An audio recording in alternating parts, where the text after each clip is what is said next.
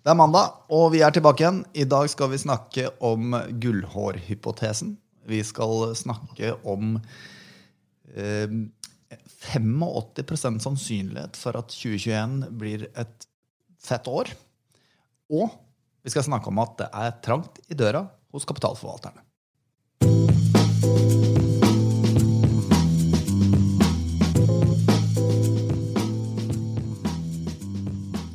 Er du med meg, Christian? Det er jeg. Hva Vi skal jo snakke om denne gullårhypotesen din, men, men, før vi kommer dit, og selv om vi har sagt at vi nå skal roe ned litt dekningen av eh, covid, siden folk flest begynner å bli lei av det, og det finnes så mange kilder for det uansett, men er det noe nytt å melde der om smittesituasjonen fra forrige uke? Ikke så mye annet enn at uh, den krisen som vi snakket om uh, relatert til smitteutviklingen i, USA, den uh, blir bare verre og verre, egentlig. både når det gjelder smittevekst, når det gjelder nye sykehusinnleggelser og ikke minst nye dødsfall. Og gjennom forrige uke så ble det satt nesten kontinuerlig nye rekorder per dag eh, med tanke på utviklingen i, feil retning. Og det siste vi har hørt, det er jo at California har innført uh, ganske heavy restriksjoner og tiltak uh, og nedstengning. Og dersom dette ikke snur, som det heller ikke er noen åpenbare signaler om, så kommer nok flere av delstatene til å tvinges til å innføre harde restriksjoner. Og det som er litt interessant, det er jo at Eh, for ikke så lenge siden, et, noen uker, så viste en spørreundersøkelse at uh, republikanske velgere hadde bare halvparten uh, av tilbøyeligheten til demokratiske velgere til å bruke maske. Og til å, å, gjennomføre sosial distansering. Men det vi ser nå, det er jo at smitteveksten er høy generelt i USA, det er én ting, men den er spesielt høy blant disse delstatene hvor eh, republikanske velgere er i, i flertall. Ja, det finnes sikkert en rekke slutninger man kan trekke fra det uten at vi skal gjøre det her. Men eh, jeg har et spørsmål som for øvrig er ganske dumt. men eh, for, for vi leser jo nå om en rekke legemiddelselskaper som er nærme, da, eller i hvert fall i final stages av å få den godkjent den vaksinen som, som de jobber med. Er det slik at mange forskjellige legemiddelselskaper kan tilby eh, en vaksine? Eller er det slik at man liksom Det er én som får uh, tilslaget da, på å produsere dette for verden? Nei, det svaret er veldig enkelt. Og det er at uh, ja, det kan definitivt være flere uh, som får godkjenning i de ulike landene. Og, og, så langt så vet vi at både Pfizer, som da samarbeider med, med Biontech, eh, det amerikanske Moderna. Og AstraZeneca er jo tett på å kunne søke om, om godkjenning. og Britene eh, ventes jo faktisk å starte utrulling av eh, vaksiner allerede i morgen. Og jeg mener at det er eh, Pfizer sine vaksine som da har fått eh, godkjenning av britiske helsemyndigheter. Okay. Så at det er flere aktører på banen, det er jo bare positivt. Fordi det øker sannsynligheten for at man kan få produsert eh, nok doser i å si, hyppig frekvens, slik at man får rullet ut, dette ut kjapt. En annen interessant sak det er jo også at både Moderna sin vaksine og Pfizer sin vaksine er basert på mye av den samme teknologien. Mens eh, AstraZeneca sin vaksine har en annen teknologi. Og forskjellen i pris antas å kunne være eh, nesten eh, en tiendedel eh, for AstraZeneca sin, sin eh, vaksine relativt til de to første. Og Det betyr jo at eh, hvis AstraZeneca kommer frem, eventuelt også andre leverandører, med en rimelig vaksine, så betyr det ganske mye for de fattige delene av verden som også er rammet av eh, covid-19. Okay. Vi skal selvfølgelig følge med på dette framover nå som eh, vaksinen etter hvert rulles ut, og se hva det vil gjøre med smittetallene. Men nå beveger vi oss over til markedet.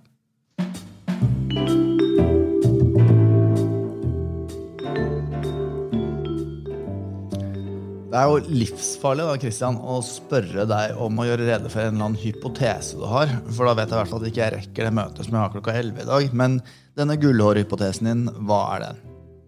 Jeg skal gjøre det veldig kort. Uh, Gullhårhypotesen det er litt det samme som vi hadde i 2017, for de som husker tilbake til tre år tilbake. For da hadde vi en situasjon hvor økonomien akselererte, altså hvor veksten i verdensøkonomien eh, steg ganske kraftig, samtidig som vi hadde et veldig lavt og til dels fallende rentenivå. Og dette er jo en perfekt kombinasjon for uh, aksjer og for finansmarkedene generelt. For det betyr jo at uh, selskapsinntjeningen stiger. Det betyr at selskapenes evne til å betjene gjelden sin uh, løftes. Samtidig som finansieringskostnaden holdes veldig veldig lav. Og det er Goldilocks-hypotesen, eller gullhår som vi kaller det her på Hamar. Og for 2021 så venter jo nå egentlig investorene mye av det samme. At vi skal få en uh, historisk vekstrekyl. Altså det snakkes om en global BNP-vekst godt over 5% Det vil i så fall være høyeste vekstnivå siden uh, eh, 70-tallet. Det forventes eh, over 20 eh, vekst i selskapsinntjeningen globalt. Det vil være det høyeste nivået på 20 år eller sånt nå. Eh, samtidig så venter jo nå mange på at ECB allerede i desember, altså den europeiske sentralbanken, skal øke omfanget av og eller varigheten av sin pengetrykking. Og det er heller ikke helt utenkelig at vi får flere stimulanser fra den amerikanske sentralbanken. Det er pengepolitikken. Og det andre det er jo at man nå venter på en ny stimulans fra amerikanske politikere. Og man venter også på en eh, runde med ganske eh, omfattende stimulanser fra EU gjennom 2021. Okay, hvis man, man dette er jo da gullhårsituasjonen, hvor veksten og inntjeningen stiger, samtidig som stimulansene bidrar til å holde rentene nede. Ja, ok, men Hvis du kobler det opp mot det du snakket om, eller det vi sa innledningsvis, en sannsynligheten for et fantastisk 2021 i markedet. Hvis vi går litt tilbake, du må, du må forklare meg litt. Hvis vi går tilbake i 2020, i mars, får vi en skikkelig skrell i markedet. Eh, markedet henter seg brutalt, vil jeg si, inn fra da fram til nå. Eh, og du selvfølgelig, det er lys i tunnelene for 80 vaksiner osv. Og, så og som du sier, så er det hele tiden dette eh, forventningen om eh, stimulansen som kan komme. Men det er jo mye skade som har skjedd her. Betyr det at på en måte markedet bare neglisjerer det? For jeg tenker at ja, Stimulansene og fremtidsutsiktene er nok til å opprettholde det prisnivået vi ser i markedet nå? Ja, det, er det som er det store spørsmålet. Eh, men markedet har ikke helt ignorert eh, den skaden som har skjedd i realøkonomien. Fordi hvis vi husker tilbake til og med september-ish, så var det nesten utelukkende vekst- og teknologiaksjer, eh, farmasiaksjer, som steg. Mens eh, på det verste så var jo energisektoren, globale flyaksjer, ned 40-50 eh, Finanssektoren var ned enn 2030, helt inntil ganske nylig, faktisk. Så det har jo illustrert at investorene har vært veldig selektive. Og de har vært eh, inntil nylig nå veldig restriktive med å kjøpe aksjer som er avhengig av at økonomien går bra.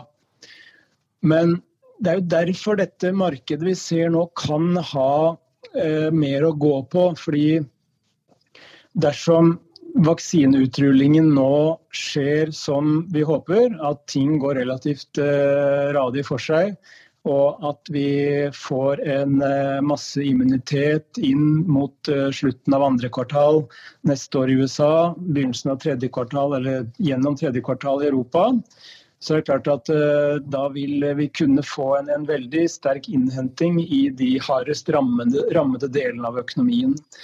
F.eks. Okay. servicesektoren, reiselivsnæring, eh, hotell, restaurant, arrangement, idrettsarrangementer, alt dette her vil kunne komme kraftig tilbake. Og mange flere mennesker vil kunne få eh, tilbake jobbene sine og styrke kjøpekraften sin. Og når mange nok husholdninger styrker kjøpekraften, behovet for arbeidskraft i næringslivet øker, så får man en sånn spiral som begynner å gå i riktig retning, og så får man økt aggregert etterspørsel, som det heter på eh, makroøkonomspråket.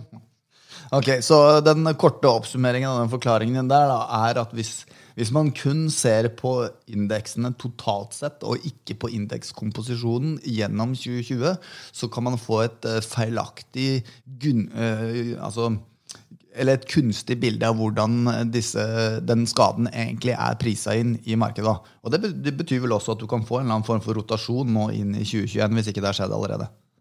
Ja, definitivt. Og det er jo det vi allerede har sett eh, tegn til. Fordi F.eks. For i november så, så vi jo den kraftigste rotasjonen inn i såkalte verdiaksjer. Som da er gjerne eh, de tradisjonelle energi, finans, eh, materialer, industriaksjer osv. Eh, på mange mange år. Og den var veldig kraftig. Og disse aksjene har jo vært langt billigere og veldig upopulære. Og de har jo også da et betydelig catch-up-potensial eh, også innover i 2021, dersom investorene beholder troen på at det kan bli et bra økonomisk år, som vi nok skal snakke om nå. Ja, og Så det er nå først du skal begynne å snakke om disse sannsynlighetene dine? Ja, men jeg skal være veldig kort, for jeg må arrestere deg litt. Eh, fordi 85% sannsynlighet det relaterer seg ikke til nødvendigvis et eh, fett eh, finansmarked, som du sier, men det relaterer seg til hvordan vi tror økonomien kommer til å utvikle seg. Og for å være veldig kort, så forventer vi faktisk nå at vi kommer til å få en svak økonomisk utvikling både i fjerde kvartal og i første kvartal pga. covid-19, og fordi vaksineutrullingen da ikke har kommet eh, langt nok. Men utover i andre kvartal så tror vi at verdensøkonomien, og spesielt da USA og Europa, kommer til å skyte fart. I takt med at eh, frykten begynner å dempes eh, knyttet til covid-19. Og det hovedscenarioet ser vi 60% sannsynlighet for. Men vi har også oppjustert sannsynligheten vår fra 15 til 25% for at ting faktisk blir bedre enn det vi tror som hovedscenario. Okay, men det her står jo... Eh, og Derfor er det da i utgangspunktet 85% sannsynlighet for at 2021, og spesielt da fra og med andre kvartal, kommer til å bli veldig, veldig bra eh, i et vekstperspektiv. Ja. Og, og Avslutningsvis har jeg også da nedjustert sannsynligheten som vi ser for en ny resesjon, altså en ny økonomisk krise, til 15% Jeg var sikker på at jeg hadde sånn øh, øh, administratorrettigheter på denne opptakeren, her, sånn at jeg prater så overstyres din stemme, men det skjer ikke. Men eh... Nei, og har, har jeg noe viktig som jeg vil konkludere med eller oppsummere med, så kjører jeg bare på. Ja, ja nei, Du er helt ustoppelig. Du er et uh, makrotog. Men, uh, ok, men det der står jo i sterk kontrast til det jeg sa innledningsvis, så til alle våre lyttere, da beklager jeg det. Uh, for det er selvfølgelig ingen garanti for at vi får et fett år i markedet, selv om du får noen som ligner på den utviklingen du snakket om i økonomien. Det kan Nei, også, og men, fall... men, bare for å veldig kort uh, kommentere på det, så er det jo slik at uh, nå har markedene hatt veldig god tid til å prise inn forventningene for 2021 med tanke på vaksineutvikling, utrulling, immunitet, vekstrespons, inntjening, sånne ting. Og alt tyder på at 2021 skal bli et år med positiv utvikling i aksjemarkedet, med mindre noe uventet negativt skjer. Men for at vi skal få et virkelig fett eh, aksjeår i 2021, så må nok ting bli enda bedre enn det man allerede nå eh, ser konturene av. Og Det er jo det vi da ser en fjerdedels sannsynlighet for. Men i hovedscenarioet vårt så ser vi nå ja, mellom 3 og 8 eh, avkastningspotensial for globale aksjer neste tolv måneder, målt i euro. Ok, Men uansett en uh, optimistisk outlook for året, noe som jeg tror de fleste trenger etter 2020. Definitivt. Men, men du, du, vi sier også innledningsvis her at det er trangt i døra hos kapitalforvalterne. Hva mener vi med det? Jo, eh, med den optimismen som er knyttet til vaksineutvikling, og med den eh, sterke avkastningen som man nå ser at naboen eh, har fått i aksjemarkedet, så ser vi at eh, tegningen og interessen i, i, blant investorer er ekstrem for å kjøpe aksjefond bl.a. Og De siste fire ukene så ble det tegnet 115 milliarder dollar inn i aksjefond globalt. Det er, det er en ny historisk rekord. Vi har sett 25 milliarder inn i aksjefond mot emerging markets siste fire uker. Det er også en ny rekord. Og vi har også sett at pengene har rent ut av gull og inn i såkalte TIPS. Det er Treasury, Inflation Protected Securities. Det er altså inflasjonsjusterte obligasjoner som kan gi en ekstra hyggelig avkastning dersom inflasjonen stiger mer enn venta. Men er ikke det der egentlig litt en varsko? Jeg har sett en chart en gang. Det, var, det er riktignok noen år siden, men eh, det var over en tiårsperiode på Oslo Børs. Og så jeg netto fondskjøp. Og den fulgte indeksen faktisk helt perfekt. Altså det vil si at du har høyest nettokjøp på topp og lavest nettokjøp på bunn. Noe som selvfølgelig er eh, motsatt av den investeringsstrategien du bør ha. Ja, godt poeng. Eh, jeg tror nok at eh, mange investorer har blitt litt klokere gjennom de siste årene. Dvs. Si at man selger ikke nødvendigvis så mye når kursene faller som det man hadde en tendens til å gjøre før. Og man kjøper kanskje heller ikke så mye når kursene er veldig høye. Men det vi ser nå, er jo litt sånn det du er inne på, at nå er det voldsom interesse etter en voldsom kursoppgang. Og det som er en sånn mekanikk som kanskje ikke mange husker på, men som er greit å ha i bakhodet, det er jo at hvis den siste pessimist blir optimist, og han velger å plassere pengene sine ut av den trygge bankkontoen og inn i aksjemarkedet fordi han nå som den siste pessimisten er overbevist om at nå er det bare å hive seg på aksjemarkedet. Og mange andre investorer også investerer den siste marginale krona. Så er det ikke lenger så veldig mye nye penger som kan drive markedet opp. Nei. Og Det så vi veldig godt eksempel på i januar 2018. Da var euforien omtrent på samme nivå som nå. Og da kom det et ganske markant setback. Det betyr ikke at vi får et markant setback nå, men som jeg kommenterte til Dagens Næringsliv i går kveld, så er det god grunn til å tro at den oppdriften som vi har sett gjennom de siste ukene, den kan umulig fortsette på samme måte fremover. Ok, Det er fair nok. Jeg, tror jeg egentlig jeg skal stoppe deg, så ikke du plutselig begynner å si et eller annet negativt nå. For vi trenger at vi holder oss på den positive noten her. Men før vi avslutter, vil du plugge noe? Mm, nei, nei, jeg tror ikke det. Jeg kommer ikke på noe spesielt.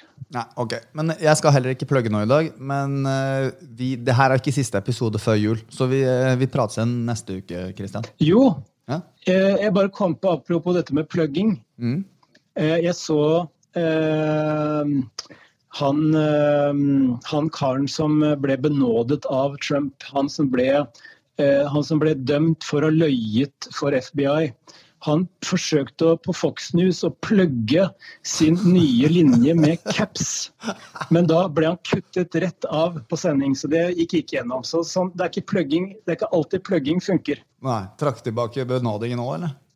Nei, det har de ikke gjort. Ok, det var godt da. Vi snakkes neste uke, Kristian. Ha det. det gjør vi.